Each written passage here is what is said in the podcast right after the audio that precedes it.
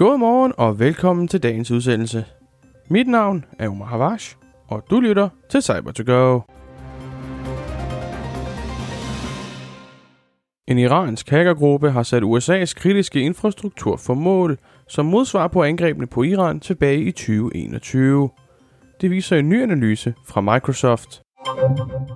APT28 eller Fancy Bear udnytter sårbarheder i Cisco EUS-routere, forklares det i en udmelding fra blandt andet NSA, FBI og CISA.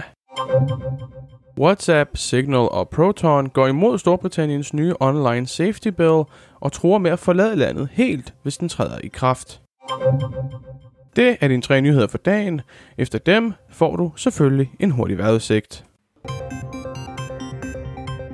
Ifølge en ny analyse fra Microsoft viser det sig, at en iransk hackergruppe under navnet Mint Sandstorm udfører angreb på USA's kritiske infrastruktur. Det menes at være Irans modsvar på de nylige angreb, der ramte landet, blandt andet tilbage i 2021. Her blev både tankstationer og jernbanesystemer nemlig ramt. På det tidspunkt havde Iran faktisk attribueret angrebene til USA og den israelske regering. Og angrebene fra Mint Sandstorm menes nemlig at være statssponsoreret, forklarer Microsoft i sin rapport. Ifølge analysen bruger hackergruppen Proof of Concept angreb den dag de bliver udgivet, og desuden også End-Day Exploits. De har også gjort brug af Log4Shell sårbarheden, og det har båret frugt på enheder, der altså ikke har været helt patchet. Når de så har fået adgang til netværkene, forsøger de at bryde ind i Active Directory eller installere bagdøre ved brug af Drug Back og Soldier, to .NET Backdoor værktøjer. Det er formentlig ikke sidste angreb, der er udført på amerikansk infrastruktur, og så snart der er nyt, hører jeg selvfølgelig om det her på cyber go APT28, en russisk statssponsoreret gruppe, udnytter sårbarheder i Cisco IOS routere. Det bekræfter en ny udmelding fra NSA, FBI og USA og Storbritanniens cybersikkerhedsmyndigheder. APT28, eller Fancy Bear, som de også hedder, er kendt for at være statssponsoreret og kædet sammen med Ruslands GRU. De er kendt for at udføre spionage ved brug af zero-day sårbarheder. Denne her gang er det dog en lille smule anderledes. Malwaren er blevet kaldt Jaguar Tooth og er en non-persistent malware, det vil sige, at den ikke bliver på enheden, når den genstartes. Men den indhenter altså oplysninger om enheden, eksfiltrerer det så over TFTP-protokollen og giver så aktøren en bagdør, de så kan tilgå ruteren igennem på et senere tidspunkt. Alt det her er gjort via en CVE fra 2017 på netværksprotokollen SNMP. Cisco har siden rådet brugere til at skifte til netconf eller restconf, og alle Cisco-admins rådes til at opdatere til den nyeste firmware.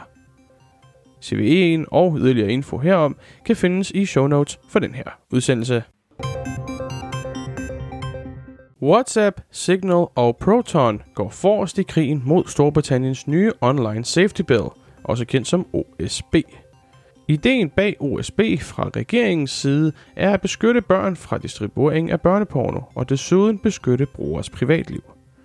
For at gøre det beder regeringen de forskellige platforme om at overvåge brugeraktivitet, så de kan udrydde børnepornodistributører.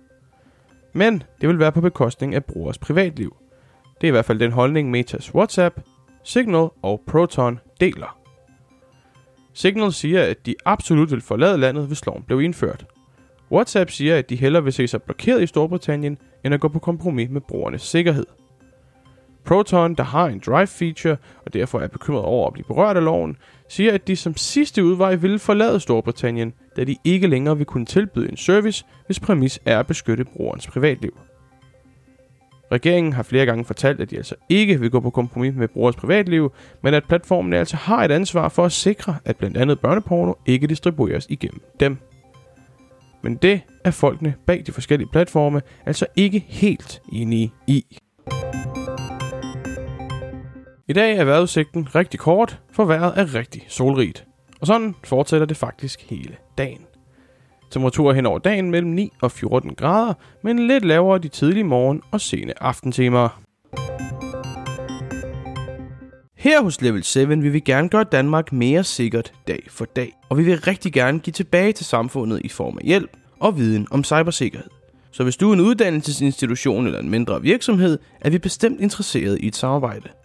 Du kan læse mere om os og kontakte os på www.lvl7.dk. Mange gange tak for, at du lyttede med til dagens udsendelse af cyber to go Mit navn er Omar Havash, og jeg ønsker dig en rigtig dejlig onsdag. Kør forsigtigt!